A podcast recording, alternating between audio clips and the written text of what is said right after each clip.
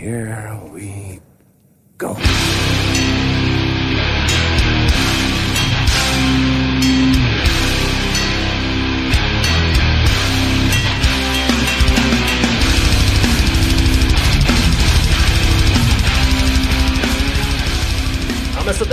På noll avsnitt 122. Vi är för ovanlighetens skull på distans, så jag rapporterar från Göteborg här i min karantäniga lägenhet. Eh, jag sitter då på länk här tillsammans med Danne Nätterdal. Tjena tjena, jag sitter i en bokhylla på Skateout för att vi inte ska höra varandras mickar.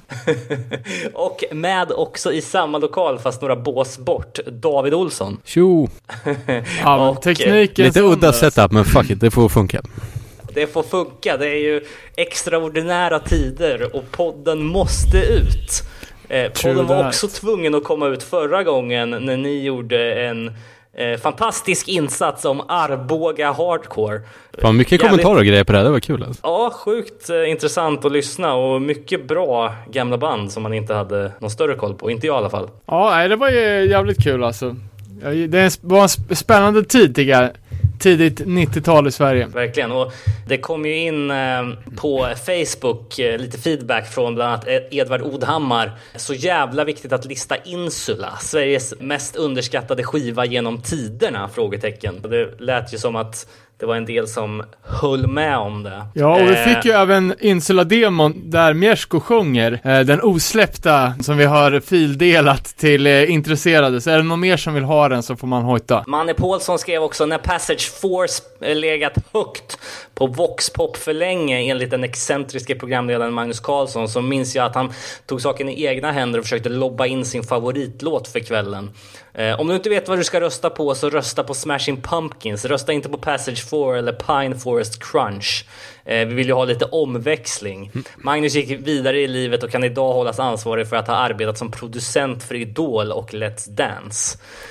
Magnus Tannegren skrev Tack för ett som vanligt vasst avsnitt. Spännande hur man kan missa en hel musikscen som finns bara 40 minuters bilfärd från där man bor. Men nu är det ju korrigerat av er så tack för det. Hög igenkänningsfaktor i snacket om hur man lusläste tacklistor på trashskivor i jakten på nya kickar i slutet på 80-talet. Känner mig som en utrotningshotad dinosaurie när jag tänker på det. Det är ju fan Eh. related artist på Spotify idag. alltså. Lite shoutouts på andra Arboga-band som vi inte hann nämna i huvudavsnittet. Som jag tänkte ge lite honorable mentions nu. Motorbreath eh, och deras tidigare band Dead Drunk och Anti-Broilers. Uh, Anti-Broilers har ju, vad jag kan se, inga egna släppta eh, plattor, men två av deras låtar har kommit ut som covers av andra artister.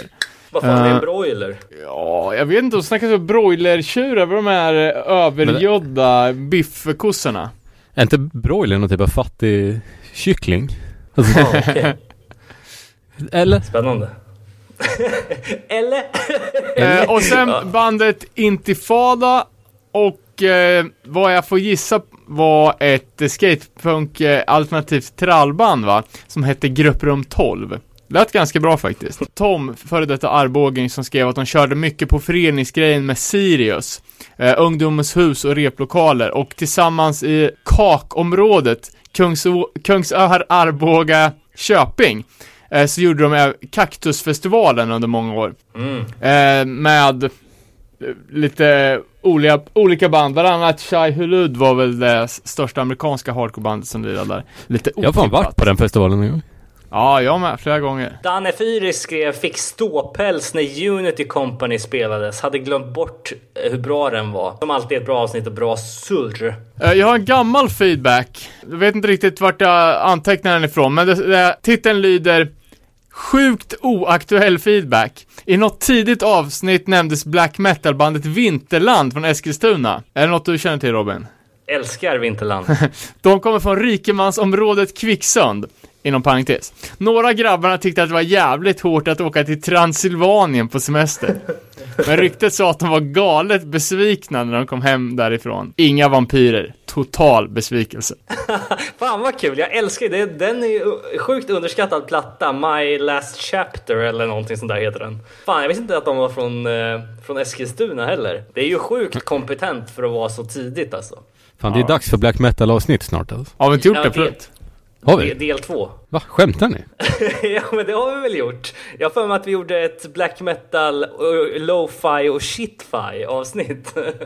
typ avsnitt 88 eller något sånt där. Men det, är, det går ju att återkomma till såklart. 88 Eh. tror jag var Youth Crew.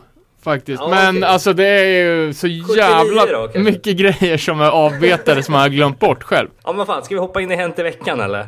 Yes please. Då kan vi börja med att eh, det var någon som la upp i vår eftersnacksgrupp om att eh, Jacob, Jacob Bannon startar ett nytt kaosband. Jacob Bannon som är känd från Converge.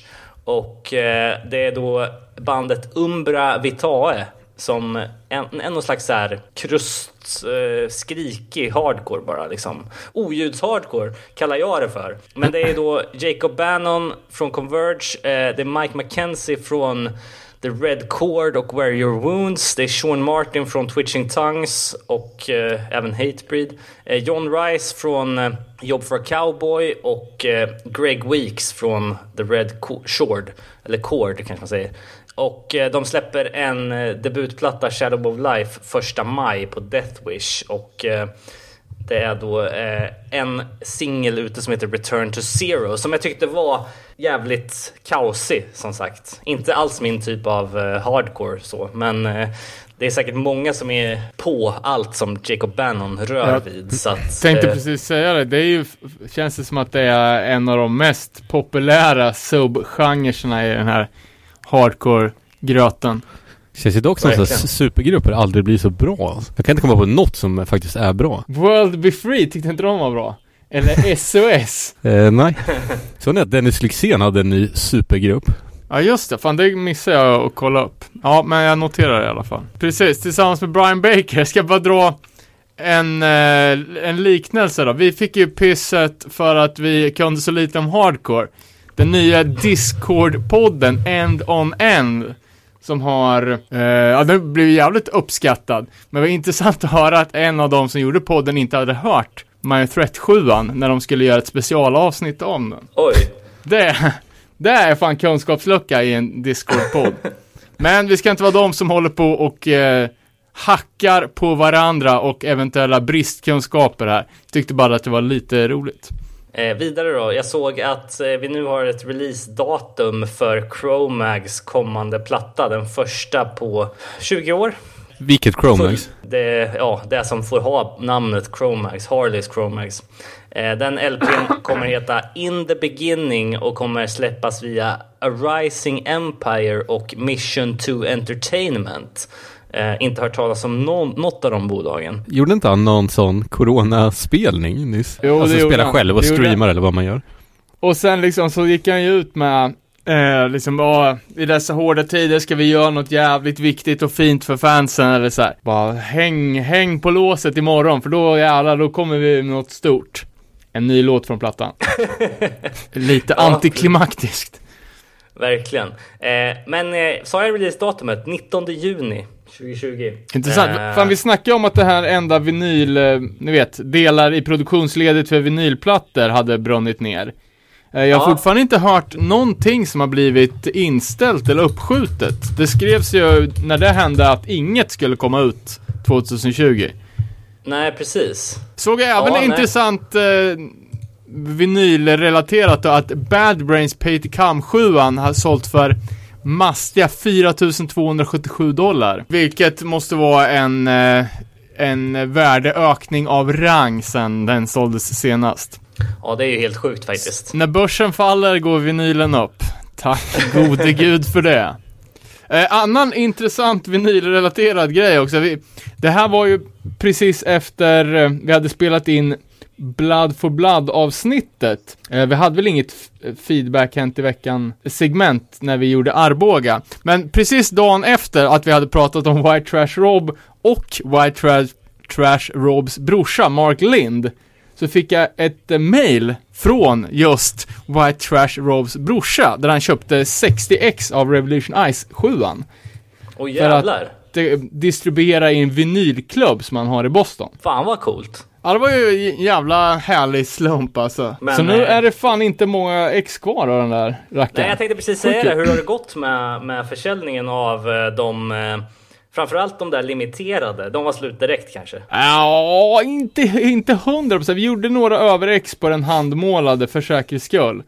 Men Mm. pff, kanske fem av varje kvar och sen 20 vanliga. Så att eh, vad, vad det, är näst, ändå, det, är alltså. nästan, det är nästan rensopat på, på en månad. Så det känns ju jävligt kul. Punken lever. Speciellt i Boston, bästa staden.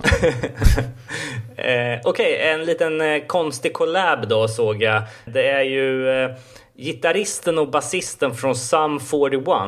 Eh, som väl skulle ha spelat i Sverige i sommar, eller? Med Revolution Ice. Ja, exakt. Va, Eh, på, på de- riktigt? Jag tror det. Ja, men jag har för mig det. På Gröna Lund. Men de är ju då med och fitar på Hank von Helvetes nya singel. Ja, det var ju en Med- udda jävla, udda gäng. Eh, och Hank från X Turbo Negro, han ska ju släppa en ny platta här under sommaren via Sony och Columbia. Så alla Turbo-Jugends Men han kör, han kör väl typ, eh, han är väl norska Cornelis nu för tiden? Fast Fan, man gick in i den när han, han spelade väl honom i någon film, eller hur? Ja, exakt. Han älskar ju det. Sen gick han aldrig ur den rollen bara. Han spelar ju även Jesus väl i Jesus Christ Superstar? Musikalen. Ja, just det. Det gjorde han ju. Men fan, jag såg ju honom på eh, Metal Town 2012 tror jag. På Galoppen i Göteborg. Eh, och eh, alltså, jag har ju sett några spelningar med Ebbot. När han har varit sjukt slirig liksom. Och eh, Hank och Ebbot är ganska lika. Och Hank var lika jävla slirig som Ebbot. Och det här var ju något år efter att han hade gjort den där Cornelis-filmen tror jag. Men alltså han var ju sjukt jävla packad på scen alltså. Det, det var ju nä, nästan sämre än Danzig den festivalen. Fan, jag trodde att Hank hade styrt upp sig sen skitlänge tillbaka, men han kanske hade nått en relapse. Det Bonken. här var ju eh, åtta år sedan så att eh, han kanske styrde, styrde upp sig efter det då. Är det något, vad, vad, vad spelar han ens? Det är, det är inte actionrock längre. Ja, lite, lite, lite som knyter an till det där du sa om nedstängda vinylpressar då. Amazon har ju nu i USA bestämt sig för att helt bannlysa att skeppa CD, vinyl och andra grejer liksom bara för att prioritera coronautrustning så att säga, alltså skyddsutrustning.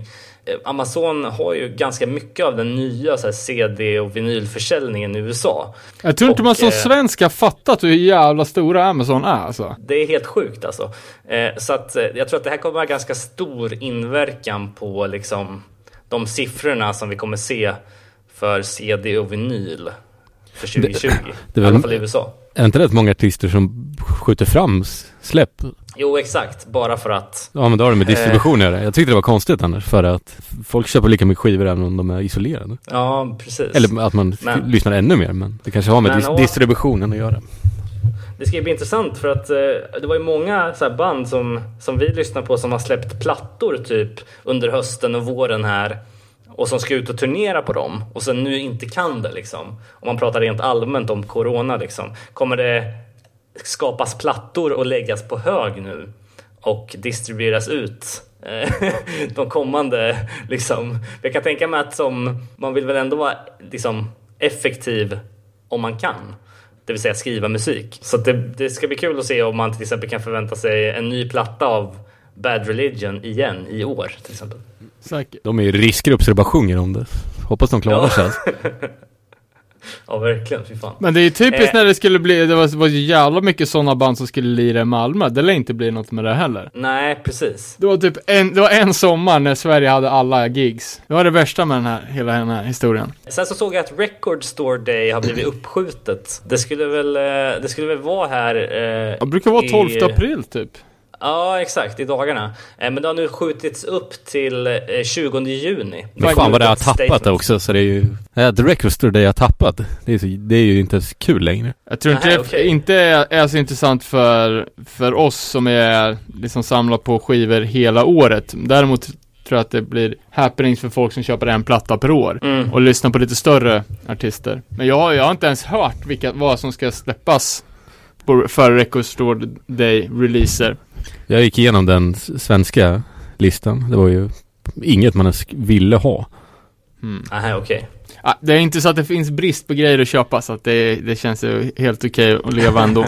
Sen så såg jag att Danzig har släppt lite datum för Europa. Det är första augusti till 9 augusti som han kommer vara och cirkulera bland annat Oslo och Köpenhamn. Och eh, det här är ju Hot on the Heels eh, på hans eh, Danzig Sings Elvis som kommer 17 april.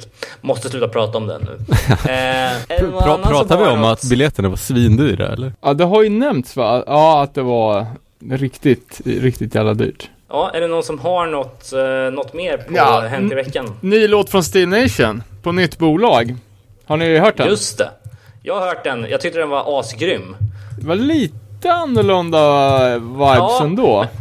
Men det är det som är så kul med dem. Alltså de släpper ju inte liksom vartannat år utan de tar ju några år på sig. Eh, när kom The Harder Day Fall? Var det 2016 typ? Ja, kanske ännu tidigare. Och där tyckte de tog ett jävla kliv. Och eh, alltså inte för att den här låten övertygade lika hårt som första singeln från den gjorde. Men, men jag tyckte ändå den var jävligt bra. Ja, nej fan Men- det är ju ett stabilt band. Framförallt sången. Jag tycker de tar ut svängarna liksom. Ja, verkligen. Det var jävligt snyggt omslag också tyckte jag. Kommer fan inte ihåg hur det såg ut så spontant. Men jag, går, jag tar och går in på en ding-ding-värld nu då. Ja! Eh, och eh, först ut här då är ju band som släpper turnéer. Band som inte verkar ha någon verklighetsuppfattning. Först har vi då Elway som har släppt en eh, European Summer Tour. Det är ju risk att den blir av, inte. Eh, Sheer Mag som har släppt eh, mer eh, turnédatum för USA under våren. Nej, idiotiskt. Och Boston Manor som också släpper en Englands turné och tror att den ska bli av. Skärp er för fan. Sen, jag snackade ju om eh, de här interna stridigheterna i Public Enemy. Just det. De skulle ju lira på en eh, stödgala för Bernie Sanders. Eh, Och Flavor Flavor Flav Flav. satte sig på trilska. Ja, verkligen. Det var ju allt vi hörde att Flavor Flav hade blivit kickad ur bandet och de skulle, sp- skulle spela under något så här eh, Public Enemy production eller något sånt där. Eh, Nu har Public Enemy släppt en press, pr- press, en pressrelease som säger att den här, det här bråket med Flavor Flav var ett hoax. Att det bara var på skämt liksom. Public Enemy gjorde det för att eh, visa att media kan rapportera om vad fan som helst utan att göra någon bakgrundskoll typ. Va, det låter Eh. som eh, värsta Efterkonstruktion. konstruktionen. Ja, verkligen. Men eh, plot twist. Flavor Flav kommer ut efter det här statementet och säger att nej, det där är fan inget skämt. Jag tänker inte vara med i ert band. Ni är dumma i huvudet, typ. Så eh, ja, man vet inte riktigt vad man ska tycka mer än att det är en jävla shitshow liksom. Men lite halvkul. I övrigt så har jag faktiskt inget mer på en Ding Ding Värld. Det har ju varit ganska lugnt här i och med coronapandemin så att eh, vi får väl se när folk börjar Tröttna på på isoleringen stream. och börja balla ur totalt. Ja, exakt. Det finns ju fan mycket så här konstiga konspirationsgrejer runt det. Där kommer ju lätt någon dåre trilla dit på snart. Ja men snart kommer folk börja få lappsjukan och gå bananas liksom. Och plundringar, Exakt. när ska det bli plundringar? Ja, nej, det var, det var ingenting mer än så på en Ding Ding Värld. Har ni, har ni drabbats eh, av någonting eh, gällande försenade releaser eller, eller spelningar som har ställts in under den här perioden som har varit eller? Inte så mycket. Jag hade ju tänkt åka till eh, Göteborg på Hardcore-festen igår. Ja, Och så hade jag biljetter till eh, Så funkar det showen i fredags. Men det blev inget heller med. nej, men det, det låter ju ungefär som jag. Vi skulle ju spela på Göteborg Hardcore Fest, men eh, samma sak. Jag hade biljett till Lastkaj 14. De skulle spela här i eh, Göteborg eh, typ nästa vecka. Och det blev också inställt. Det är bara att se här nu. Jag är väl ganska säker på Hade- att det inte blir något Punk in Drublic. Hade inte de släppt en ny skiva? Lastis. Lastkaj, ja. Ja. ja. precis. Jävla bra den är alltså. Den är grym faktiskt. Var, var du Jag ironisk. Danne? Jag har ju såklart inte hört den. Jag var dryga med. Men gjorde inte de också några så här livespelningar så jag? Ja, men det är många som har gjort det. Världen brinner gjorde det så ja. Karate 77 Precis. gjorde det så ja. Vi, eh, ska vi ta en kort break och sen gå in på dagens huvudtema som faktiskt är listor.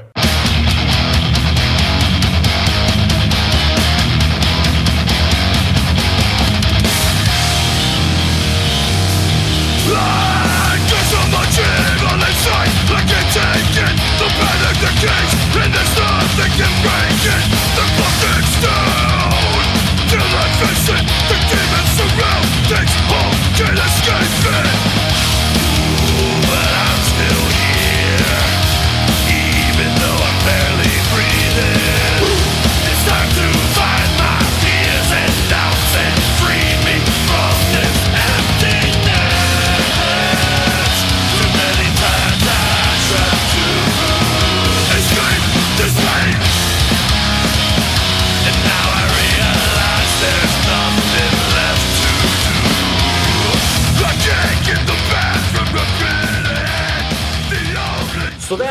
Eh, veckans huvudtema är ju listor. Och eh, vad fan menar man med det egentligen? Ja, men det är så här enkelt sätt att eh, få till intressanta samtalsämnen och kunna göra det på distans. Eh, för vi visste ju att vi var tvungna att köra på distans. Jag sitter ju fast här i, i Göteborg just nu i någon slags eh, självkarantän. Så jag kommer inte vara i er närhet på några veckor till. Så att vi pumpar ut podden eh, och gör det genom att ta det här ämnet då, som är listor. Och vad, vad menar man med listor? Jo men alltså, det, det, är ganska ofta man, man gör sina egna kategoriseringar av liksom, topp tre bästa hardcore-plattor, topp eh, 10 bästa hardcore frontpersoner eller sådär topp 5 LPs och så. Men jag tänkte att det är lite roligare om man gör en twist på det här och kanske gör topp tre låtar att spela på sin begravning eller vad det nu kan vara. Topp 10 låtar att ha som väckarklocka. Vi har snickrat ihop lite egna roliga listor idag och vi tänkte väl gå varvet runt. Eh, eh, så att eh, vi kommer egentligen bumpa runt här och ta några listor som vi har förberett inför idag. Så är det någon som känner att de vill börja eller ska jag bara ta den? Ta den. Det var ju din idé så du kan få börja. Ja men eh, då, eh, då kopplar jag lite till, till mig själv här då i eh, vad jag har kämpat med på senaste tiden när man jobbar hemifrån så mycket. Och det är ju då att komma upp på morgonen. Det är liksom total, total snosfest när man vet att kontoret är i rummet bredvid och man inte ska iväg någonstans. Så då kan det vara bra med lite bra hardcore-låtar att ha som väckarklocka. Så då har jag gjort en lista här som heter topp tre låtar att ha som väckarklocka. Som man garanterat kommer upp på morgonen. Och först ut på den listan är Detain med låten Capital Punishment. Där kan man ju verkligen snacka om att man startar dagen på topp. Det är ju sjukt individuellt eh, den här listan men jag känner i alla fall att jag behöver ett stenhårt riff på morgonen för att liksom kunna studsa upp. Och det, det tycker jag att jag får i den här låten. Alltså det är sån jävla liksom studs i det här intro-riffet. Det är som Kalankas husbilssemester när han ligger och, och snosar och sen kommer väckarklockan och rullar upp hans täcke. Snärtar Exakt. han på hans jävla ankfötter och sen rakt ner i badkaret. Sen är han vaken. Precis. Fan, är det något band som jag verkligen vill se live så är det ju Detain alltså. Jag tycker att det här är fan 10-talets ett av 10-talets bästa band. Så det, det har jag på min lista. Sen, något av en personlig tragedi i, i det här. Det var ju bandet som skulle ha spelat på Fatfest i Linköping 2010. Men dagen innan festen skulle vara så skriver arrangören på Facebook att eh, deras van har gått sönder och de kommer inte komma till Linköping och spela. Det är Something Inside från Tyskland. De släppte en svinbra platta som heter den Lionheart? Jag tror det. Eh, titelspåret Lionheart i alla fall. Eh, det är så jävla mycket straight edge i introt. Fan, det här är helt Och missat. Det känns, det känns som att eh, det är liksom tysk youth crew straight edge hardcore. Och det är precis vad man behöver för att komma upp på morgonen. När man, man tvekar på om man ska ta en grogg till frukost eller om man ska skita det. Precis. Eh, då kan man bara studsa in i sina dojor och eh, stage-diva upp ur sängen. Sen sist men absolut inte minst eh, låten som väl kan tituleras som You snooze you lose. Punk. Det är Malin Malintent med Reflection of an Enemy. Har varit lite Malintent revival för mig faktiskt här under karantänen. Eh, jag har ju länge letat efter att komma ihåg det här bandet. Vilket kanske låter lite sjukt. Men eh, jag lyssnade som fan på deras 2018 släpp. Eh, som de släppte någon slags här, tre, tre spårs EP 2018 som heter just Reflections of an Enemy. Reflection of an Enemy. Det här är ju då uppföljar EPn till Cycles of Terror som väl är deras enda fu- fullängdare. Eh, Det här är tre spår på den. Darkness Not Far Behind, Drown och sen Reflection of an Enemy. Och det här är ju stenhård liksom, nästan lite är mycket döds. Eh, Och den här låten börjar med ett ganska mäckigt blastparti men liksom det går inte att snosa till det här. Du kommer upp liksom. Så ja, fan. Behöver man en bra start nu, liksom, vilket man behöver i de här tiderna, så liksom Detain, Something Inside och Malintent. Bu- Det är mina tre låtar att ha som väckarklocka. Bubblare, Wake Up and Hate med 100 Demons. S- sätter man, sätter man mooden för hela dagen där. Fan, det var, jag backar den där listan alltså. Tänkte fylla på med en egen lista då. Och det här är hardcore och punk släppt på udda format. Det är ju för mycket tjafs som kassetter och vinyler och CD-skivor hit och dit. Vi måste bara ta liksom de här lite bortglömda och marginaliserade formaten till våra hjärtan. Eh, Så jag har topp 5 udda format. Femte plats. Eh, minidisk. Jävlar. Kommer ni ihåg den? Vad den brann under kort, kort tid. Alltså helvete. Finns det hardcore-släpp, eller punk, på minidisk? Ja, alltså det är ju lite, ja, vad kan jag säga, major label punk som fick komma ut på minidisk. Eh, jag har aldrig haft en minidiskspelare, men jag vet att många av mina polare som åkte med snowboard hade ju minidisk för att inte hoppa. Man kunde liksom inte ha CD freestyle och åka snowboard samtidigt. Det. Eh, men det finns två stycken Offspring-plattor släppta, en Pistols, en Bad Religion och The Clash var faktiskt det bandet som anammade minidisken hårdast och har 10 releaser på minidisk. Fy fan. Alltså, ser, De tänkte nu jävlar, det här kommer slå, vi måste vara ute i tid. ser en minidisk ut typ som ett Gameboy-spel eller? Ja, Jag tror det, jag vet fan knappt hur de ser ut. Däremot om du har spelat GameCube, de skivorna, de spelen kommer ju på minidisk. Ja, ja det har Det jag är inte som gjort. en extremt liten CD. Fan det var ett jävla pissigt för dem, när man gjorde så här, alltså CD-skivor fast i, inte i den vanliga storleken. Ja, exakt. Kommer ni ihåg det? det? gjordes ju Ja. 3,5 tums musik-CDs också. Jag har en Wide Awake till exempel på Lost and found bootleg. Tror Project X 7 finns också så på, på CD-format, det är sån här riktigt liten CD. Nasty. Fyran då. Den här jag vet inte fan om eh, det är så många som peppar, men Umatic, vet ni vad det är? Nej. Nej. Det är ju då en, alltså tänk video som en VHS-kassett, fast för ljud. Det lanserades av Sony och det fanns på marknaden mellan 71 och typ, ja, det fejdade ut någon gång 1990. Vart väl ingen superhit kan man väl säga. Eh, men det hann, i alla- hann i alla fall släppas ungefär 10 stycken punkrelaterade releaser på Umatic. Så att det är inte så svårt att samla på sig hela. Och det är faktiskt ganska feta grejer. Mycket också ganska skumma splittar. Eh, Ramones gjorde en enlåtars singel.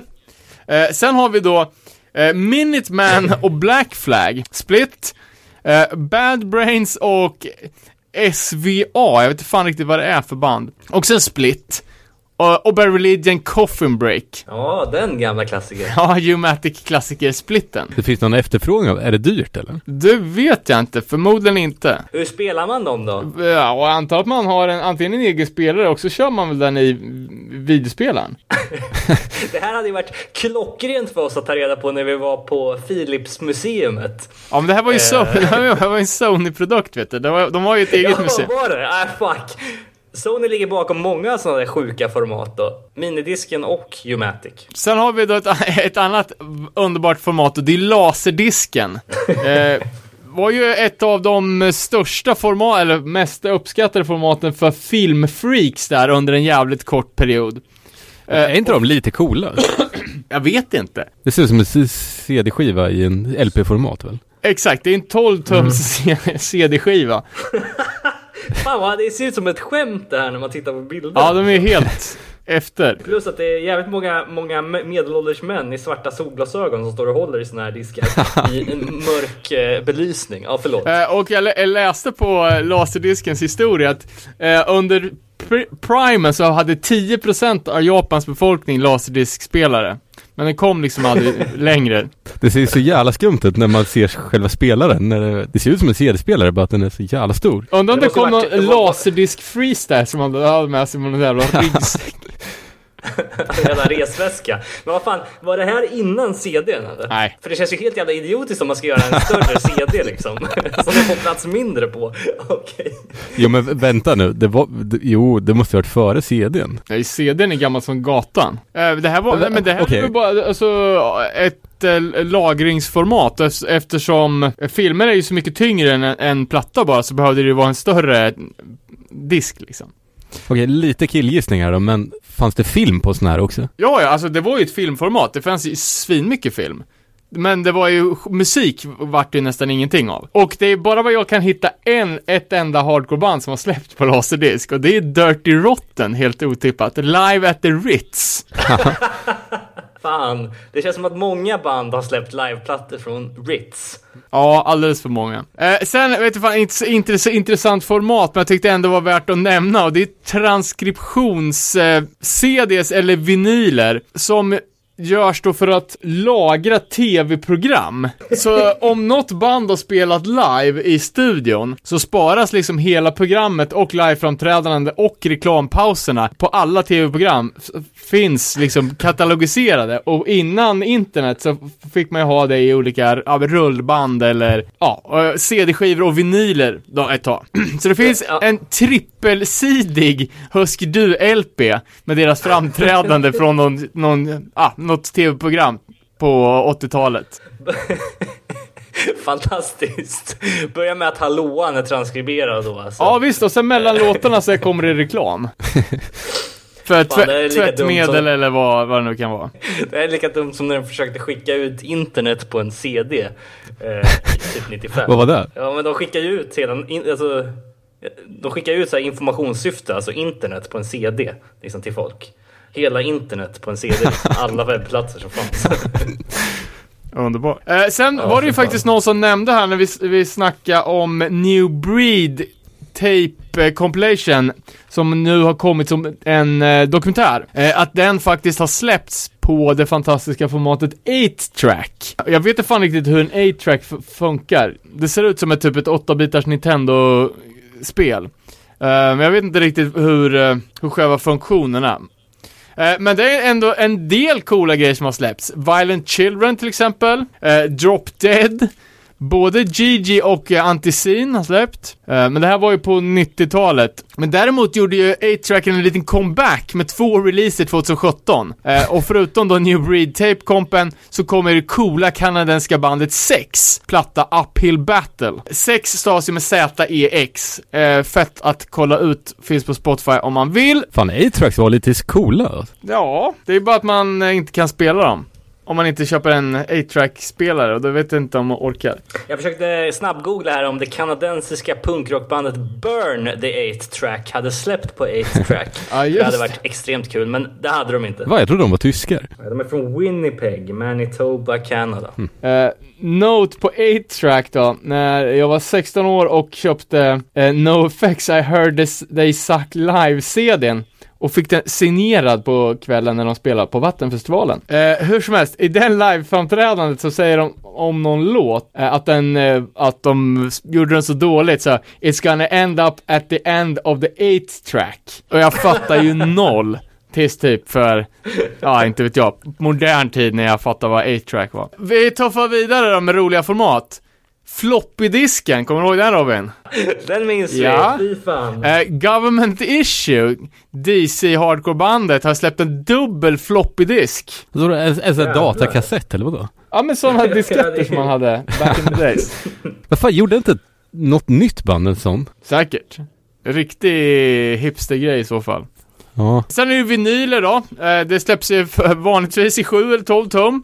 DS13 gjorde en sexa. Eh, det var ju ganska populärt med femtummare där i Power Violence-svängen. Jag kommer ihåg att eh, en av de största släppen då var ju Locust Jenny Piccolo-splitten som kom på Picture 5 disc, 5 inch. Fy fan. Sen har det även gjorts lite, det var ju något typ streetpunkbolag som hade en, en femtums live-serie med Anti-Heroes och Rocket Murphys och grejer. Eh, Septic Death har ju släppt en svindyr femma och svenska Crowpath kan vara det enda svenska bandet som har släppt på fem tum. Men! Det måste ju finnas en Vä- ja, värst förlåt. av alla då. Återigen ett Power Violence-band, Spaz, har släppt en entummare. Åh fan, som går att lyssna på. Tyvärr går den inte att lyssna på. det, den, den är gjord av en snubbe som heter Chris Dodge, jag vet inte vem det är, men den är gjord i 14x. Eh, och som en liten parentes så är det A record that doesn't play. Eh, ja, men får jag, får jag bara fråga där då gällande de här olika konstiga formaten. Jag tänker på alla de här banden som har släppt typ, är det en, eh, när man släpper liksom en eh, vinyl som är någon form av yxa eller en drake eller sådär. Ja. Eh, då antar jag att det är en sjua i mitten och sen är det liksom format som en jävla... Typ utskurna för, liksom. för det mesta. Shaped picture disc brukar det vara. Finns Okej. ganska cool gangrene som är format som en skateboard. Suicidal hade väl både ett dollartecken och ett hjärta. Eh, Maximum Penalty släppte också ett hjärta för inte så länge sedan. Kommer du ihåg den där Death Wish-serien? De var inte utskurna, eller hur? Nej, precis. Eh, den har jag faktiskt skrivit upp på en annan punkt. Den var rätt Topp cool fem- alltså. Topp fem format som aldrig kom ut, eller topp fem saker som aldrig kom ut. Men, ska vi ta och eh, min personliga favorit då? Det finns bara ett enda av det, det, detta slag och det är då en kombinerad vinyl och eh, DVD. Va? Det är alltså vinyl på ena sidan och DVD på andra sidan och det är Dwarfs som har gjort. Jävla hjältar alltså, snacka om att fånga upp publiken. Är det samma innehåll på A och B? Ja, jag vet inte. Men jag tycker det är för jävla vackert. Ja, if you're young or old. Precis. Ja, så det var min topp fem plus lite bubblare. Eh, underskattade format. Var det inte något svenskt popband som gjorde en LP och en spelare? Som man tvungen att köpa båda? Ja men exakt, det var ju White Stripes. De sålde, jag tror de sålde tretums vinyler. Som inte går att spela på en vanlig grammofon, så då följde det med en minigrammofon. Det är ju som en moviebox då. Ja, typ. Eh, White Stripes är ju, eh, och Three Man Records är ju mästare på att göra knasiga format, men de har jag ingen koll på, så det, det kan nog finnas en uppsjö med sjuka grejer därifrån också. Men jag, jag tror att att det de- här var typ Bob Hund eller någonting. Alltså som typ Jaha. limma fast en skiva på en spelare. Så fick man köpa båda. Ja, det går att forska vidare, och vet man något annat kul så får man ju kommentera. Ja, vidare David, har du någon lista? Eh, kör en du så länge. Okej, jag kan kasta in en från en lyssnare då. Det kom in från Mattias Grane. Han skrev så här. Hej! Här är en spellista till alla elever som nu sitter hemma och pluggar. Eh, varje titel är en ovärderlig uppmaning för lyckade distansstudier. Samtidigt får de en god introduktion i ämnet hardcore. Och han har då döpt listan till topp 5 distansundervisningslåtar i livets hardcore-skola. Covid-19 version. Den här är fantastisk. Eh, först då är det Face the Facts med Chromags. Sen är det Use Your Head med Uniform Choice. Sen är det Understand med Youth of Today. Finish What You Started med Gorilla Biscuits. Och Keep Your Distance med Rest In Pieces. Jävligt bra eh, sammansatt lista måste jag säga. Ja, både i innebörd och i låtar. Ska jag köra vidare David eller? Ja, kör. Alright, då tar jag min nästa lista då och eh, då har vi då det jag har ägnat mig åt här eh, i sociala distanseringstider, det vill säga att springa. Eh, och när jag gjort det så har jag tänkt ut då Hmm, vilka låtar kan så att säga driva på mitt steg här nu när jag är ute och kör? Så då har vi tre favoriter här då. Först ut No Fun At All med Runners High. Det är ju omöjligt att inte liksom klara några meter till när man hör refrängen The further I go my heart keeps pumping. Jävligt bra låt från plattan Grit. Bra löpningslåt helt enkelt. Fakta är väl någon sorts maratonman också, så att det är ju, det är, det är, det är den Ja. nya, nya skaten, löpning. Precis. Nästa då. Eh, jag var ute och körde en liten längre passage här för några dagar sedan och när jag kom runt en sträcka så fick jag sånt jävla tryck i steget när jag hörde Bluff Lies and Alibis med Knuckle Dust. Man, man håller tempot där i, i versen framförallt alltså. Jävlar vad den går på.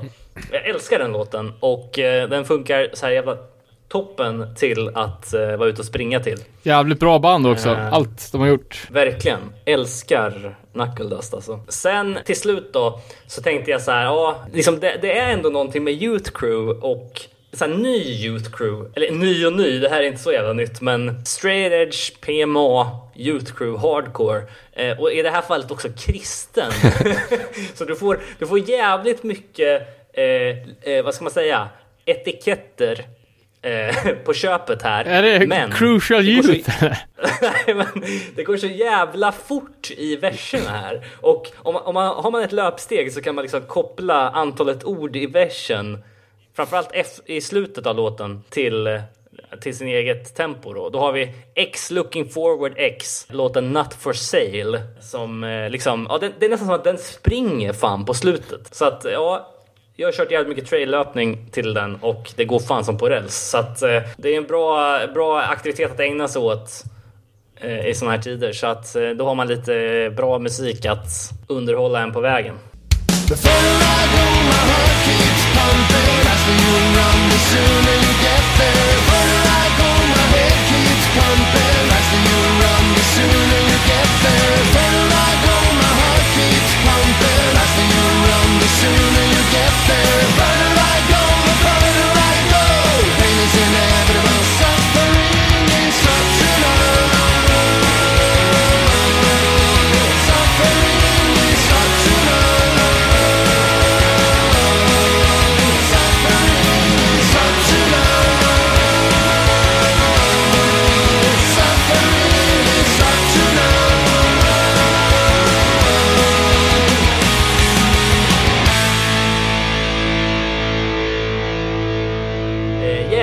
någon som vill ta Okej, vidare? ja. Jag har en då.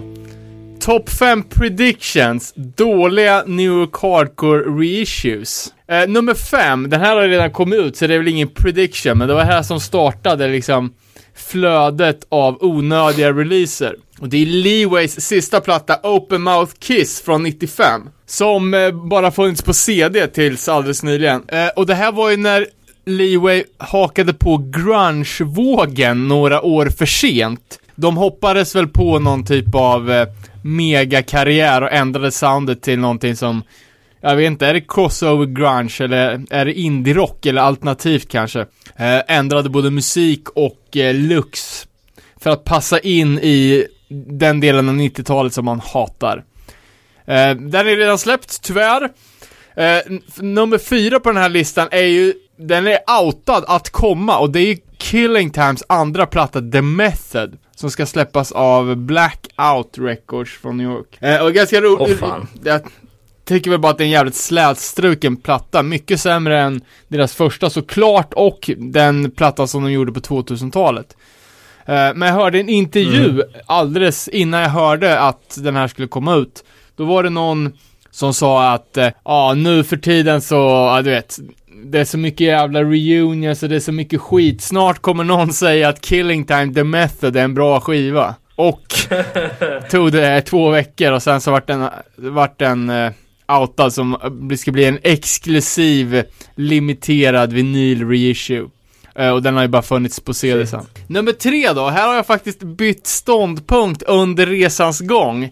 Jag la upp den för att den sög, men nu har jag lyssnat på den så många gånger så jag bara tycker den är bra. Eh, och det är ju Antidote, det fantastiska New Hardcore-bandet som eh, släppte en 783, Thou Shall Not Kill, som är fan en av de stora sjuorna från det året. Episk platta med sånt jävla catchy driv och det är hårt och eh, bra sväng. En riktig jävla milstolpe i hardcore, alla kategorier. 1990 så släppte de då fullängdaren Time to Burn, det här var ju efter ett tids uppehåll. Eh, och loop på sång hade ju ersatts av Drew Stone. Som framförallt eh, var sångare i eh, The High and the Mighty, men eh, som även har jobbat lite som producent och har gjort bland annat Master Killer. Marauders klassiker.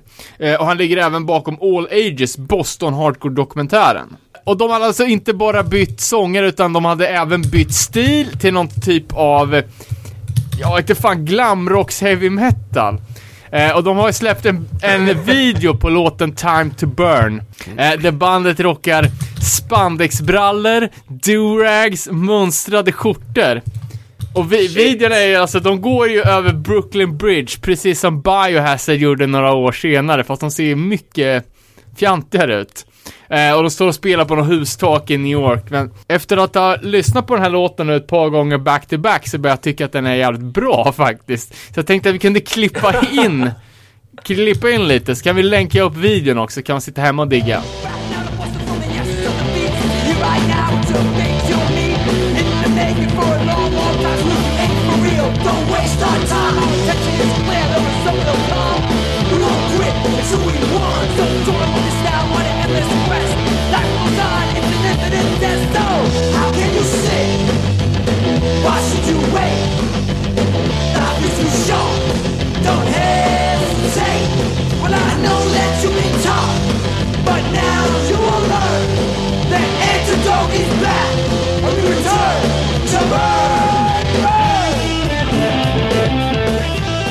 Eh, ja, men då går jag vidare direkt då med nummer två. Eh, och det var ju då intressant, tidigare nämnda Rest in Pieces.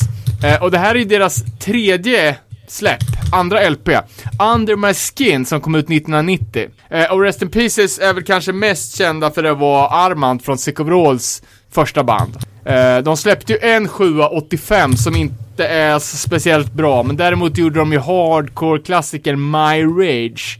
Eh, LPn som kom 87 som är väl, alltså den är ju verkligen up there bland de bästa hardcore-plattorna från den tiden. Eh, alla minns väl eh, Old Grey Mare Stomp som introducerar den plattan. Ett jävla mors-intro av Guds nåde. Själv så fick jag höra det här bandet första gången min kompis Linus hade Lost and found eh, samlingsplattan You Deserve Even Worse på CD när vi var 15-16. eh, och då har ju Rest In Pieces med, med två låtar, vara den ena låten är lite kontroversiella Balls and All. Som handlar om att, ja, suck my dick, balls and all, i refrängen. Då satte man lite i sin 15-åriga vrångstrupe. Fan jävlar Eh, alltså. men Rest in Pieces är ju annars ett jävligt bra band och den, eh, alltså den ikoniska loggan från eh, My Rage-plattan, ni vet den här streckgubben med en hammare, den är ju mäktigt fet. Och, eh, My Rage eh, återsläpptes ju här nu då, för första gången på eh, Ja, över eh, 30 år va? Eh, För eh, inte så länge sedan. Och eh, reissuen som kom på med något riktigt jävla risigt, såhär bara kopierat A3 vikt på en pissfull blå vinyl. Såldes på Black and Blue Bowl 2017 kanske. Den gick ju helt plötsligt upp och blev dyrare än originalplattan. Extremt mär- märkligt Va? i min, min värld. Eh, och därför tänker jag att det finns ju någon säkert någon jävel som ska göra någon limited skit på den här dåliga Under My Skin-plattan. Så det kommer väl i en, inom en snar framtid. Och sist ut då, jag vet inte om det är den sämsta, men den här var i alla fall sist på den här listan. Och det är Maximum Penalties Superlife-platta som kom ut 97. De släpp... Vi har varit inne på den förut va? Har vi inte det? Säkert. Det känns som att allt jag pratar om har vi pratat om förut. Vad jag än tänker. Så bara, fan det här har vi pratat om redan. Ja men alltså bara att den är ett, eh, någon form av milstolpe i eh, uselhet. Ja, säkert. Jag vet inte om den till och med var med i Vad fan hände där avsnittet. Sången kan ju sjunga, tyvärr, det är det, för han gör det ju för mycket. eh, och det är för lite hardcore, och det är ju ett jävligt ruttet eh, omslag med såna s- typ Alltså de har ju en låt som heter Catholic, Catholic Schoolgirls in Trouble. Och det är ju några tjejer i, eh, i skoluniform som sitter med blåtider typ på framsidan och ser lite badass ut. Men nej, jag vet inte fan. Jag tycker, jag tycker att skivan är en fläck i deras katalog för demon är pissbra. Den kom ju ut på reissue på Reaper Records förra året tror jag och eh, var ju asfet. Och den sista plattan som de släppte på 2000-talet är ju deras, enligt mig, bästa fullängdare. Så att jag, jag tror att Superlife kommer få, få nytt superliv inom en snar framtid med ett nytt artwork. Och det var det. Ja, fan. jag skulle säga det ser jag fram emot, men det gör vi ju inte. Men eh, det kan ju bli intressant då om man är samlare. Jag I alla vet. eh, men vad fan vilken bra lista. Kul som fan. Och det är liksom den här frågan, det var kul du sa något också, typ så här. Det är för lite hardcore. Och det är ju någonting jag kan ta avstamp i i min nästa lista här då. För att när man säger så till någon som inte har någon koll på vad hardcore är, då, då kan det ju uppstå skruvar i huvudet. Eh, jag har märkt det liksom när man har gått på dejt eller när man har träffat folk som inte lyssnar på hardcore. Eh, då, då, då liksom kommer frågan, ja vad lyssnar du på? Ja, jag lyssnar på hardcore. Ja, vad är det? Eh, Oftast så säger man inte det. Man säger att man lyssnar på metal. Sen om de ja. håller på och, liksom fortsätter fråga, då säger man att man lyssnar på punk och sen kanske man kommer in på hardcore. Och då blir alltid frågan, vad är hardcore? Jag tänkte också säga, säg, man säger ju aldrig eh, hardcore. Man säger punk eller någonting. Exakt. Eh, så, men sen finns det ju vissa som pressar på då. Då ska man på något sätt förklara vad som är hardcore när de drar på någon jävla eh, liksom lordi eller någonting och bara det här är väl hardcore. Nej, Det eh, blir, det då blir inget ligga att- om du håller på så här. Nej, precis. Eh, och där kan man ju verkligen snacka om ett band som är för lite hardcore, det vill säga inget alls. Men vad är då hardcore? Jag tänkte så här, hur, om en person kommer till en och frågar vad är hardcore och är genuint intresserad, eh, men inte har exponerats för det, så har jag tagit en topp 5-lista här då med bra inkörsband. This is hardcore-listan alltså. Eh, med den lilla liksom, twisten att det här ska vara enkelt för öronen att ta till sig. Liksom, om jag hade dragit på Unit 731 eller något annat, jag vet inte hur väl det hade tagits emot. Men om jag däremot hade spinnat upp Satisfaction is the death of desire och framförallt då låten Burn the lies med Hatebreed så tror jag ändå att man skulle kunna få en, en bättre bild av vad som är hardcore-soundet. Eh, för här pratar vi liksom jävligt mycket upptempo, tungt breakdown eh, på slutet, refräng med jävla hook och Hatebreed som väl ändå är liksom ja, men ett hardcore staple ändå och har slagit sig liksom utifrån hardcore in i mainstream på ett sätt som gör att de kan bli jag gillar metal, jag har aldrig lyssnat på hardcore eller jag gillar liksom, ja, och jag är intresserad av hardcore. Ja men fan, hoppa på Satisfaction is the death of desire och framförallt då Burn the lies. Risken Eh, att man får, att man får höra den som cover på en hardcore-spelning i framtiden är ju också ganska stor. Precis. Det är eh, en på listan. Eh, nästa då. Bostonbandet Death Before Dishonor, plattan Count Me In skulle jag säga är i alla fall för mig personligen så som jag tycker att ett jävligt bra hardcore sound ska vara. För jag menar, om någon skulle komma till mig och säga så här, åh fan, jag vill, jag vill veta hardcore. Inte fan skulle jag sätta på Chromags då liksom, eller något så här minor threat liksom, för det är för dålig kvalitet. det kommer inte gå att ta till sig. Däremot om jag drar på Count Me In med Death Before Dishonor, då får man liksom svinfeta gitarrer, ashårda hookar, allsång, breakdowns. Man kan inte inte få känslan av energi och... Eh, så, så på fjärde plats, Count Me In med Death Before Dishonor. Tredje plats då, Terror, Keepers of the Faith. Det är fjärde plattan av, eh, av Terror och eh, det är väl ändå deras mest framgångsrika, eller? Förmodligen. Jag, jag tänker bara hur många gånger man har sett Terror och de har avslutat med den här jävla hardcore-hymnen. Lite så här avvikande i vad, vad majoriteten av hardcore-låtar är. För, för den här är verkligen stegrande i hela sin, hela sin eh, form. Liksom. Den börjar ganska avskalat och sen så kommer den här hårda hooken liksom. Men, men det, det, det här är mer som, vad ska man säga? Det här är liksom We Will Rock You of Queen fast med hardcore liksom. Ja, det är intressant för att hela den plattan är ju typ någon så här how to guide till hardcore. Eh, vinylutgåvan gavs ju ut med, eller CDn också kanske med en fet booklet där det står ma- om massa klassiska band och du vet. Vad fan, var det inte någon typ supporter instruktionsgrej eller? Ja men typ lite så. Ja, så det, det är ju bara liksom att sätta ner foten och säga att det är ett bra, bra inkörsport liksom. Och också så här, fan. Eller dra på en eh, terrorspelning på YouTube. Liksom. Fan, efter det så fattar man ju grejen. Alltså det är ju, alltså det är extremt svårt att förklara för någon som inte fattar för att det är inte enkelt alltså. Nej, och det var därför jag garvade lite åt det här du sa. Det är för lite hardcore. om, man, om man tittar på det här, det här utifrån så det är svårt att förstå det liksom. Men, men, Nej men man är ju, man är, man är, är ju det man är om man är så jävla formad av det här. Och typ alla man, alla man Ja, umgås exakt. med och känner lyssnar på eh, punk eller hardcore. Men när man ska prata med folk i allmänhet, det, folk har ju inte en aning om vad fan man sysslar med. Eller vad, vad, vad är det Nej, för skillnad på Iron Maiden och Earth Crisis liksom. Det, det är ingen som vet.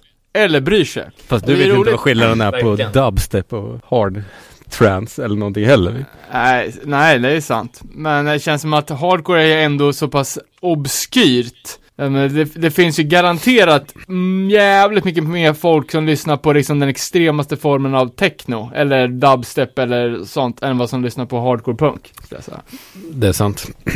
Eh, men det är kul också missförstånd liksom när folk går runt med, ja men typ såhär XXX tatuering och alla tror att bara åh den där snubben han måste vara helt sjukt besatt av porr. och det är sen den där exakt. 50, 59 times the pain merchen de hade för länge sedan, liksom hard hitting honest straight on hardcore style. Det var ju bara också va, en, ja, ja typ så här. Ingen kunde ju relatera till, till någonting annat än porr. När de hörde det. Det är samma som drug free, att folk tror att det är, Free Nej, drugs. ja, att det är någon sån här rehab-grej typ. Ja men exakt, det bara, jag, jag, förra veckan var jag en sån jävla superpundare, nu är jag drug free liksom. Och inte bara att man, att man, nej. om man nu, man kanske aldrig har provat droger och sen tatuerar drug free liksom. Det skulle ju bara hända Ja, i en precis. hardcore miljö, alla andra skulle ju förknippa det med att man har haft ett missbruk liksom. Precis. Eller att man går i en terror-t-shirt och folk tror att man är terrorist typ. Exakt, och så Precis. man har sin vegan jihad munkjacka liksom och folk tror att man är jihadist. Obs skämt. Det ja, precis. Fan, där var det en bra lista. Eller man, ly- merch som absolut inte går att komma in i USA med. Ja, det, då kan jag ju säga att det är det här progressiva metalbandet Isis. Ja, jag tänkte precis på det. Det var ändå lite fett att de fick IS, och, eller Isis, att byta namn till IS. ja, faktiskt. Vi hette det först, ni får fan byta. En kommuniké. Cease and Eh, desist, cease and boom. desist på ett ter- terrorgrupp. Eh, ja, ska jag gå vidare på min eh, lista då? Eh, plats nummer två. Eh, då måste vi ha något nytt här som är relativt nytt i alla fall. Och som också har gått hem i stugorna. Nej, jag tänker inte på Code Orange. Däremot så tänker jag på Turnstyle. Och då tänker jag ju då framförallt på Step to Rhythm. Eh, den här sjuan. Eller vad man nu väljer att ta in den i för format. Den finns väl bara på sjua kanske. De släppte den aldrig på tejp. Framförallt då Spår 3 Canned Heat som jag tycker är Ja, en, en låt som vi i början av den här podden hyllar satan och som jag ändå tycker så här går hem eh, även hos folk som vanligtvis inte lyssnar på hardcore. Så ärligt talat så, så var ju Turnstyle i sitt esse på den här releasen tycker jag. Step to Rhythm. Jag tycker att de är svinfeta nu och då och hela tiden faktiskt. Sen på första plats då, jag tänker att man ändå bör hålla sig hemma vid. Och med det så menar jag i Sverige och då måste jag ju lägga Hårda Tider, Vår Sak. Eh, och kanske framförallt då spår 2, Hardcore in the fucking streets. Som väl ändå var en hel generations eh, liksom inkörsport till hardcore i Sverige. Generation 3 eller 4. Ja, utan tvekan Säga. 2000-talets viktigaste svenska band. Alltså, den här låten är ju också ett jävla missmash, och, mishmash säger man väl, eh, av eh, olika feats och folk som hoppar in och skriker saker och gör att liksom man känner en unity och en jävla hardcore-pepp helt enkelt. Plus att det är på svenska och då blir man ju Tror ni att ja, extra peppad. om det hade kommit idag, att de hade blivit mer mainstream-stora? Känns det som att va, situationstecken vanligt folk är jävligt mer inne på sånt här nu? Hmm, aldrig tänkt på. Ja, det är... Så här, vad Viagra Boy säger på radio hela tiden typ. Ja, Då är det inte jättelångt till det här. Nej, alltså allt handlar ju om timing och placering och exponering liksom. Det är klart att det är ju tillräckligt bra för att alla ska kunna älska det, men det, alltså vilka låtar som blir de största har ju sällan någonting att göra hur, hur bra det är.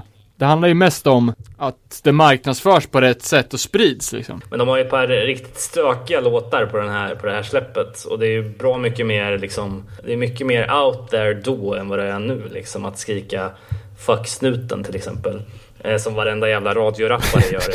Ja, det är ju Eh, po- poppis som fan. lite mer liksom. Eh, men nej fan, Hårda Tider, Vår Sak tycker jag man kan lägga fram då när eh, dejten, polaren eller kollegan kommer fram och undrar vad fan är hardcore? Men då, så får man göra. Men man hör ju inte vad de sjunger. Eh, lyssna då, säger man då. Man sätter på New Hardcore-dokumentären där Rick Talife säger This music is not for everybody, go be a raver, do what you want. It's not for everybody. Blir han kränkt när de inte hör vad han Precis. sjunger? Men jag fick ju, jag fick Ja, ju nej, men, apropå inte höra vad man sjunger. Eh, min son, den lilla rättshaveristen, de, eh, de skulle spela upp varsin låt i skolan. Då frågade han bara, eh, kan, kan inte du tipsa mig om någonting som är riktigt jävla grovt? Det får inte vara några svordomar, men det ska vara liksom det ska vara en jävla slakt. Och då inte för att han själv var så extremt pepp, utan bara för att jävlas med sina klasskamrater. Vad valde du då? Då blev det faktiskt eh, nya australiensiska bandet Caged Existence. mycket, mycket bra. Det är jävligt smalt. Fick du en, orosan, fick du en orosanmälan på det? Boom, direkt. Ja, han sitter på hem nu.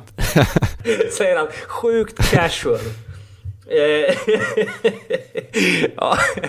ja, fan. Har du mer på listfronten eller? Massor. Eh, jag, jag, jag ska dra några så får ni välja. Eh, dyraste punken ever. Topp 5 New Hardcore demos.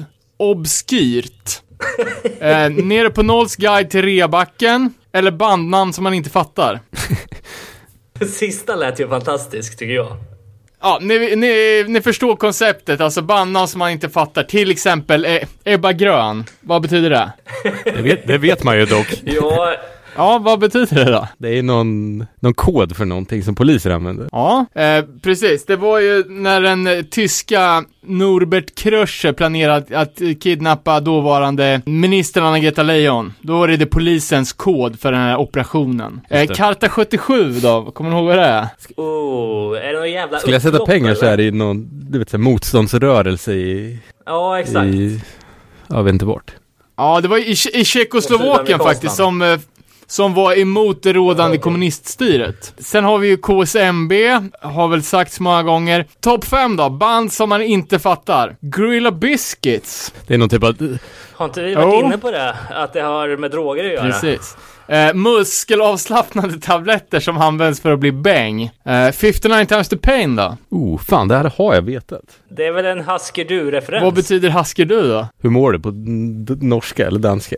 Kanske. Circle jerks då? Är inte det ett, eh, ett begrepp i amer- eh, amerikanska språket? Eh, typ att man, att saker går fram och tillbaka utan Eller så är det en klassikern, typ. runka bulle. Fast utan bulle. Eh, Är det sen det? har- Är det det ja, på riktigt? Ja, ja det är det.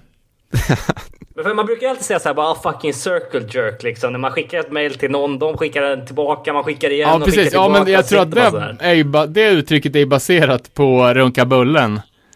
Jaha, okej. Eh, sen okej. har vi då Black Flag. Det har man ju bara tänkt som någon grej som, Ja, alltså du vet, vift, vifta en, vifta en vit flagga. Det här är det andra. Ja, det är inte anarkistiska flaggan att tänka på, utan det här är ju ett Nej, men alltså, mot, motsatsen, till motsatsen till att ge upp tänkte jag. Men ja. Okej, ja, men det är ju ett insektsspraymedel som heter Black Flag. Och vad jag inte visste om att bandet Off, som är Keith Morris nya band, eh, de heter ju Off för att det också är ett insektsspraymedel. vad är besattheten med att göra Ja, rent nej men det var väl jä- jävligt lustigt av honom och eh, fortsätta på den roliga, roliga temat. Eh, sen har vi då 10 yard Ja. fight. Det måste jag ha med amerikansk fotboll att göra. Ja, delvis. Man, det första utspelet i amerikansk fotboll, då blir det en fight på 10 yards linjen kanske. Ja, det kanske blir, men det här var ju ett 8-bitars Nintendo-spel som aldrig kom ut i Sverige. Så som svensk, så vad har som svensk så fattar man väl kanske inte referensen. Men så var det, bandnamn som man inte fattar. Det finns ju, ma- ja, det finns ju mycket sånt där som gått en över huvudet alltså. Operation Ivy var amerikanska eh, kärnvapentester. Shai Hulud. Ja, där är man ju helt borta. Jag har för mig att jag kollade upp det någon gång att det är typ någon figur i någon typ Star Trek eller någonting. Star Wars. Okej, jag trodde att det var något eh, buddhistiskt eller hinduistiskt. Så, så fel man har. Vet en, det en tråkigt annan sak som jag inte stört har- mig så jävla alltså, mycket på. Inte riktigt eh, hardcore-relaterat, men Killed by Death. Vad fan betyder det? Då? Det är väl en Motorhead-låt va? Ja, ja, men alltså, vadå Killed by Death? Ja, jag vet inte. Dumheter. Det är ju eh, svårt. eh, Det är, det är ju lättare inom black metal när man har Tolkiens alla böcker att ha som referens. Ja men det är väl också störigt om något. Ja men typ de norska som ska vara så jävla tuffa och samtidigt vara inspirerade av Sagan om ringen. Eh, ja, Kisspaus. eh, jävla intress- intressant lista. Ja, vi kör en kisspaus på det.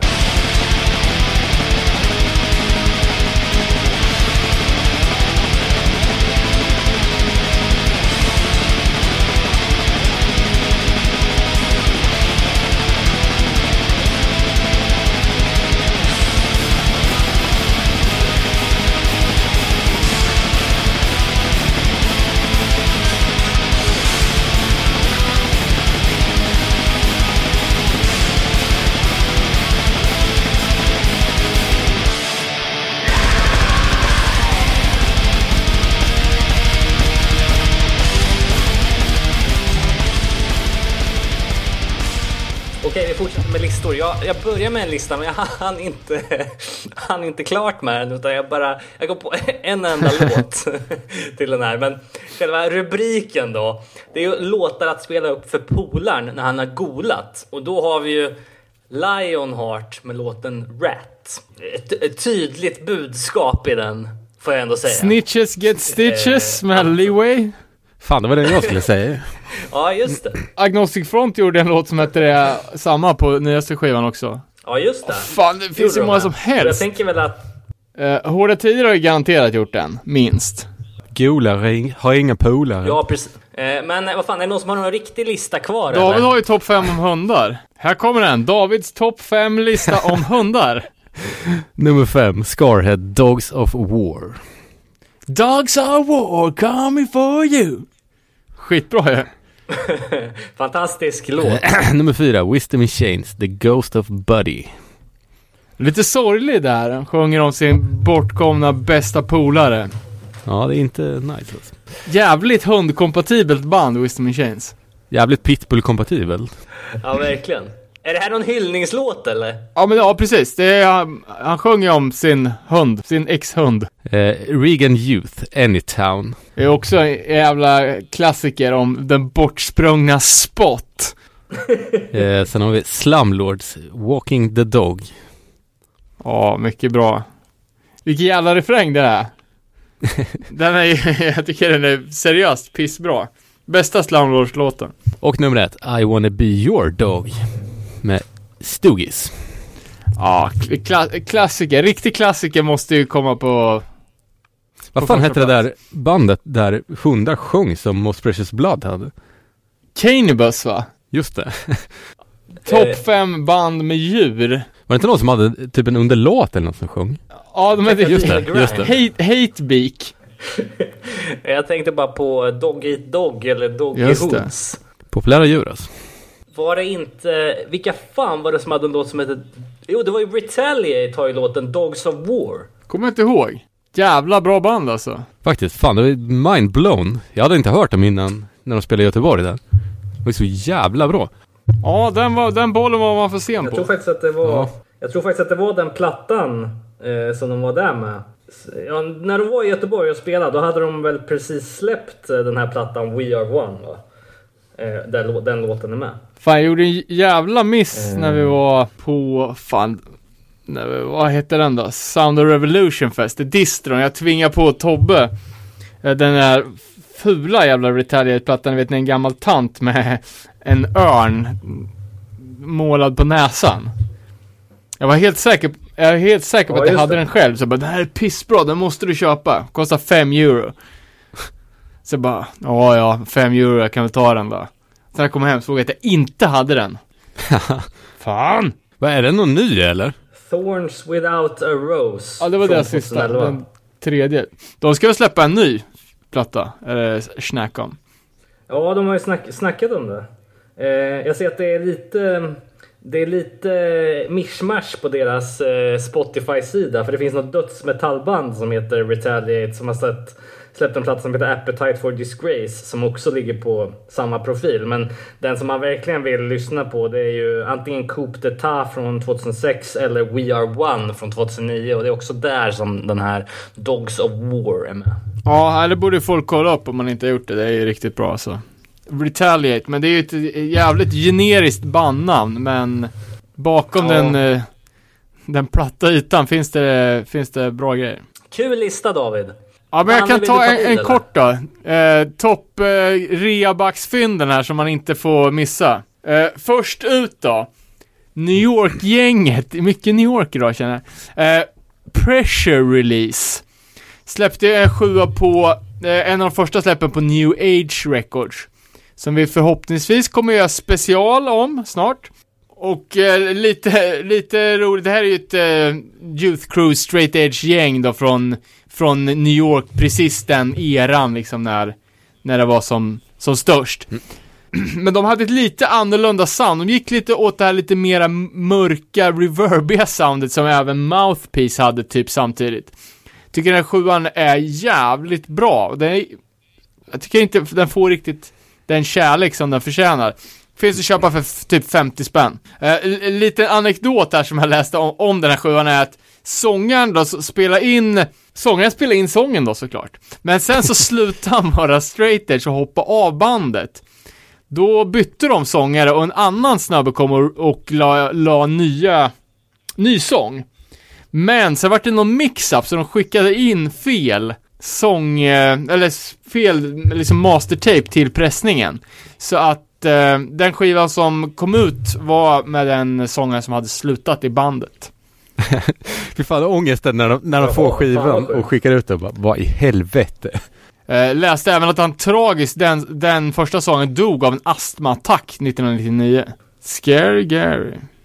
Eh, sen har vi ett annat band som jag tycker är så jävla bra. eh, I alla fall den för, första, första sjuan.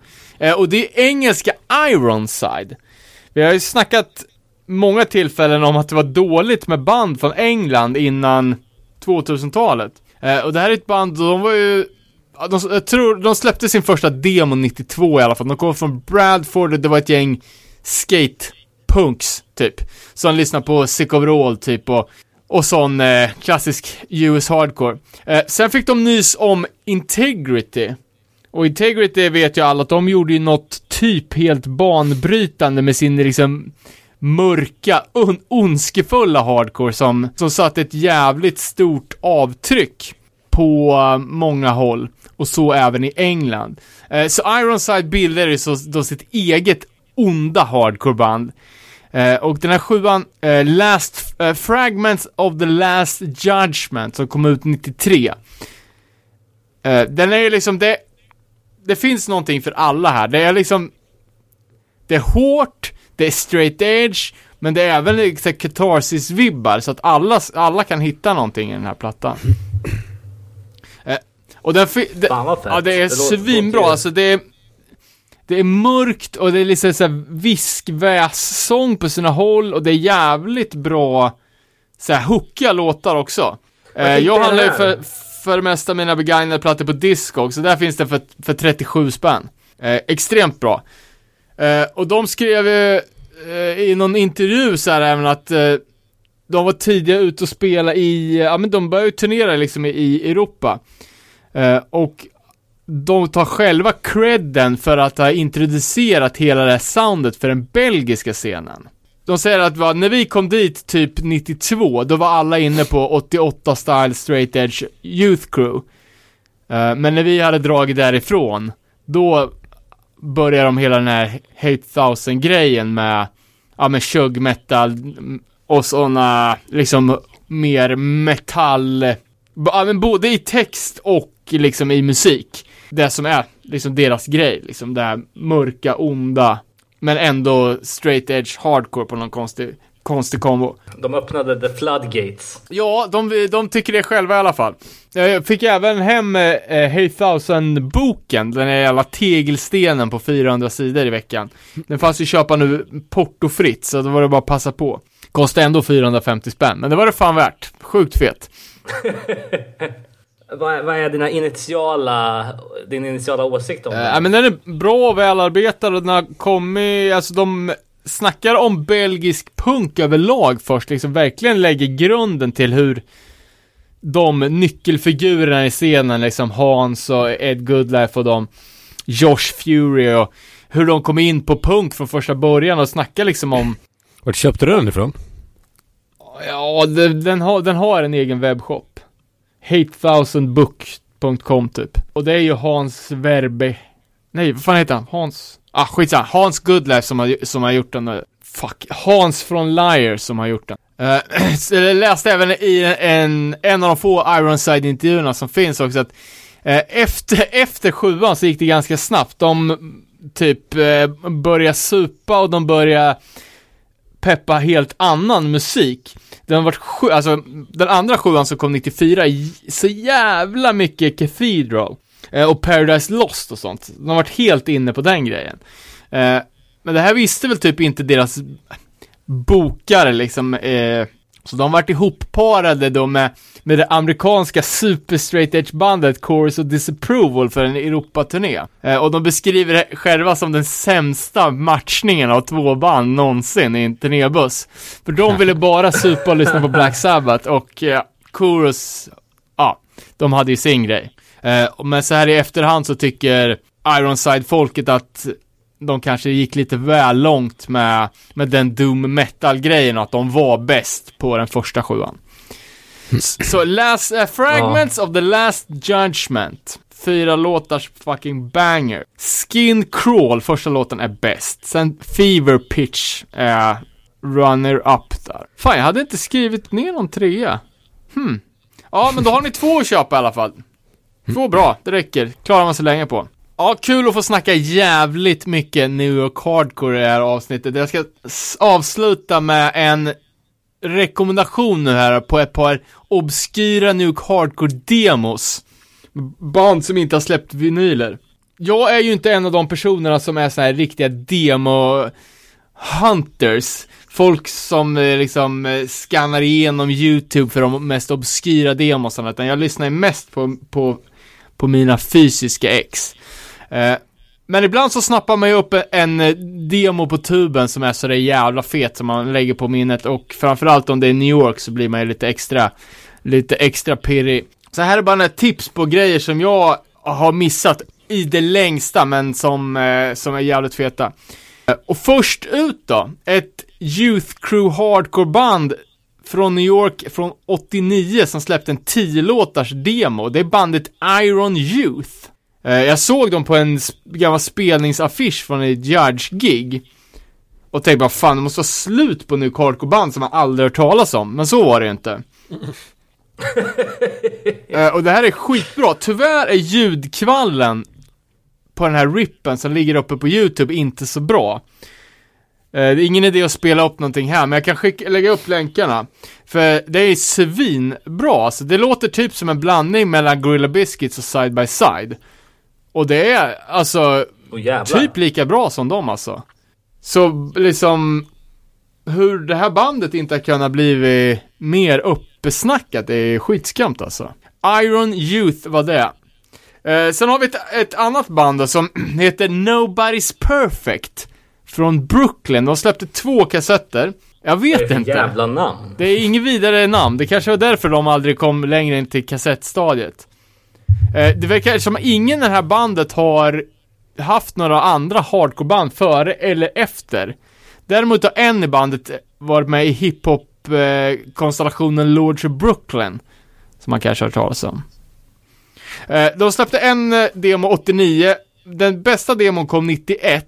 Och det här är de, alltså 91, de är jävligt tidiga med, med det här soundet. Det är liksom en lite förhårdning av ah, det klassiska Youth Crew Hardcore soundet eller vad man ska säga. Det som var rådande vid den här tiden. Eh, det här är lite, lite mer åt det som Hardcore tog på sent 90-tal i New York. Tyvärr är sången lite sisådär på sina håll. Eh, Så jag tänker att jag kan, vi kan klippa in en snutt från en låt som är riktigt bra. Eh, Allt finns att ladda ner från deras Soundcloud, kan vi också länka upp.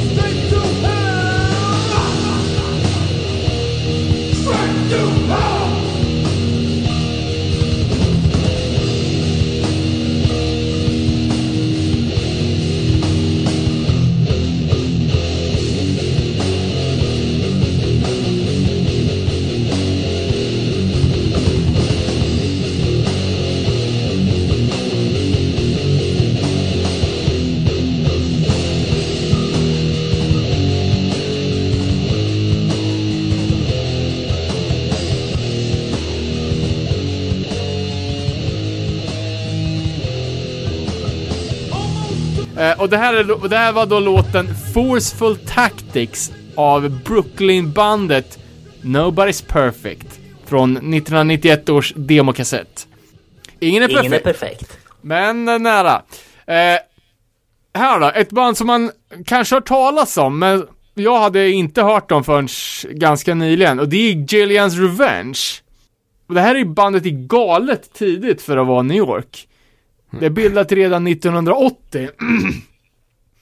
Eh, och Gillians Revenge är ju alltså ett pre-token entry med Anthony Killingtime Kommunale på sång. Eh, och han sjunger ju även på första token entry sjuan. Eh, och 1981 när de var ungefär 13 år så släppte de en, en demo, en nio låtars.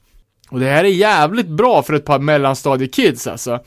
Eh, det låter visserligen skit ljudmässigt, men det är ordentligt skrivna låtar och det är inte liksom Ja, det är jävligt mycket mer än vad man kan förvänta sig från ett gäng barn liksom. Eh, och jag sa ju att det, det låter skit. Rolig detalj från inspelningssektionen för den här demon, det är att, att Anthony Comunale sjunger i den inbyggda micken från en boombox. Så han har liksom ingen sångmick, utan han sjunger i, rakt in i en bandare. Eh, och därav namnet The Boombox Demo. Eh, och med låtar som Skateboard Insanity så kan man inte bli annat än eh, peppad på dessa New York Kids. Eh, sen sista ut då. Eh, det här har jag, jag har faktiskt inte hört demon. Det är sjukt, jag tipsar om demos som jag inte har hört själv. Eh, men jag kunde inte hitta den. Däremot så stötte jag på det här bandet via en jävligt rolig dokumentär. Eh, och det här är en, en, eh, en dokumentär som kom ut för ett antal år sedan om Long Island hardcore-scenen i staden Belmore. Eh, och dokumentären heter Belmore the Unseen. Var fan ligger Belmore? Eh, Belmore ligger ganska, ganska nära Queens. Så det är liksom en av de första samhällena som tar vid där själva eh, The Five Boroughs tar slut. Så det är inte riktigt, eh, inte riktigt New Hardcore, lite mer åt Long Island. Eh, men bandet heter i alla fall Justified Violence. Inte att blanda ihop med Unjustified Violence från Göteborg. Eh, men det här är ett band med Jimmy Coletti som eh, är känd mest från att ha spelat trummor med Agnostic Front. Eh, den här demon som jag inte kunde hitta kommer från 1985. Men låtarna är jävligt bra och det är liksom klassisk amerikansk hardcore, mycket alltså det här sköna skinhead möter graffiti. Eh, men det jag, det jag diggar mest var ju den här eh, dokumentären om Belmore-scenen. Ja, det handlar inte om att turnera eller släppa plattor, utan här verkligen handlar det om att spela live och leva djävulen. Alltså det var kaos på spelningarna och det var liksom good clean fun, men det var totalt kaos. Eh, man skulle, ja men li, lite såhär, det som vi har pratat om i, i, i Cleveland, du vet, att man slogs med lysrör eller kastade stolar på varandra. Fast här hade de någonting som, som, som de kallar för BOG. Och det är då Bring Your Own Garbage. Eh, och då kunde man ta med sig en soppåse och bara kasta ut i publiken på spelningen. och det, här, det här blev en så stor grej här så att de, tog, de skrev till och med ut det, BOG, på affischerna på gigsen. Så då kunde folk liksom spara matrester hemma under hela veckan för att kasta på varandra på, på gigsen till helgen. Och helvete? sjukt mycket supa och droger och liksom, det var verkligen så här. Även de, de, är jävligt sköna karaktärer i den här dokumentären också, och i, i eh, Unjustified Violence. De sa liksom, bara, men, typ många av oss var ju liksom så här kontorsknegare som behövde liksom bara få, få leva djävulen på helgen för att klara av livet liksom. Och vad, vad bättre då än att spela med sitt hardcoreband och sen bara, du vet, kasta soptunna på sin polare eller slå någon på käften så här. Eh, så, Ärligt talat, jag tar ju, jag tar ju hellre en spinkick i ansiktet på en crowd deterrent-spelning än, en liksom en jävla gammal eh, makaronipudding makaronepudding i, i ansiktet på en, på en sån spelning. Det finns ju det här gamla klassiska ryktet också om det bortglömda finska bandet Black Betsy. Att deras sångare hoppade ner i publiken och drog fram en bänk och knockade tre pers på någon spelning. Uh, så det får nog vara si- sista tipset. Uh, unjustified violence, nej, ja, oh, förlåt. Det var mitt sista tips. Och det var un... Justify. Fan, det är så sjukt att jag inte kan hålla isär de här två banden. Justified violence. Ja, det är inte så Och sjukt. framförallt då dokumentären Belmore Unseen. Och scene då som i scen. Eh, sen har jag lite Just andra det. listor, men de tycker jag att de kan få ligga och marinera till ett kommande avsnitt. Eh, Men eh, jävligt kul att höra era röster igen alltså och era... Ja, era listor. Jag var segt att vi inte kunde var mötas kul. face to face. Ja, jag menar det. Tyvärr, mitt jobb är fan stängt hela nästa vecka också. Så att eh, det är jobba hemifrån som gäller. Får se om jag, om jag är på plats om två veckor eller om det blir eh, distans igen. Vi får hoppas det. Vi, jag tyckte det var lite intressant. Det har ju varit så jävla mycket bra inlägg i eftersnacksgruppen nu och ett som jag vill lyfta fram det är Thomas Renström. Han hade sammanställt en lång lista på hardcore dokumentärer som man kan kolla på. Nu, Just det, fan mycket fint där som jag ville kolla Så att, eh, Ja, så det ska också bli kul framöver här och kanske se någon av dem inför varje avsnitt och, och Jag kollade och på. Jawbreaker-dokumentären för inte så länge sedan. Den var fan svin intressant alltså. Eh, det måste ju bli. Eh, ja, eh, nästa gång då. Jag vet att du har eh, snackat lite om något Ja, jag var jävligt tema, sugen Danne. på att göra New Breed dokumentären, om ni pallar. Jag tycker att det är en jävligt fet era av New Hardcore. Sa vi att, man, att den är gratis att se på också? Det tycker jag att det har pratats om överallt, men det finns ju att kolla upp New Breed Documentary nu. Där man hittar såna saker. Ja, men jag gör gärna det. Det, det låter askul. Eh, och eh, som vanligt, ni lyssnare får gärna skicka in feedback och eh, tips på framtida ämnen. Vi finns ju på Facebook. Det är Nere på Noll Podcast och så har vi en eftersnacksgrupp där också eh, som heter Nere på Noll Eftersnack. Eh, sen kan ni alltid kolla in oss på Instagram, at nerepanoll. Och sen har vi också mail, nerepanoll.gmail.com. Vi gmail.com i framkant här digitalt ändå, får man säga. Eh, vi hänger, hänger kvar, ses igen om två veckor. Grymt! Ta, ta det lugnt Torbjörn.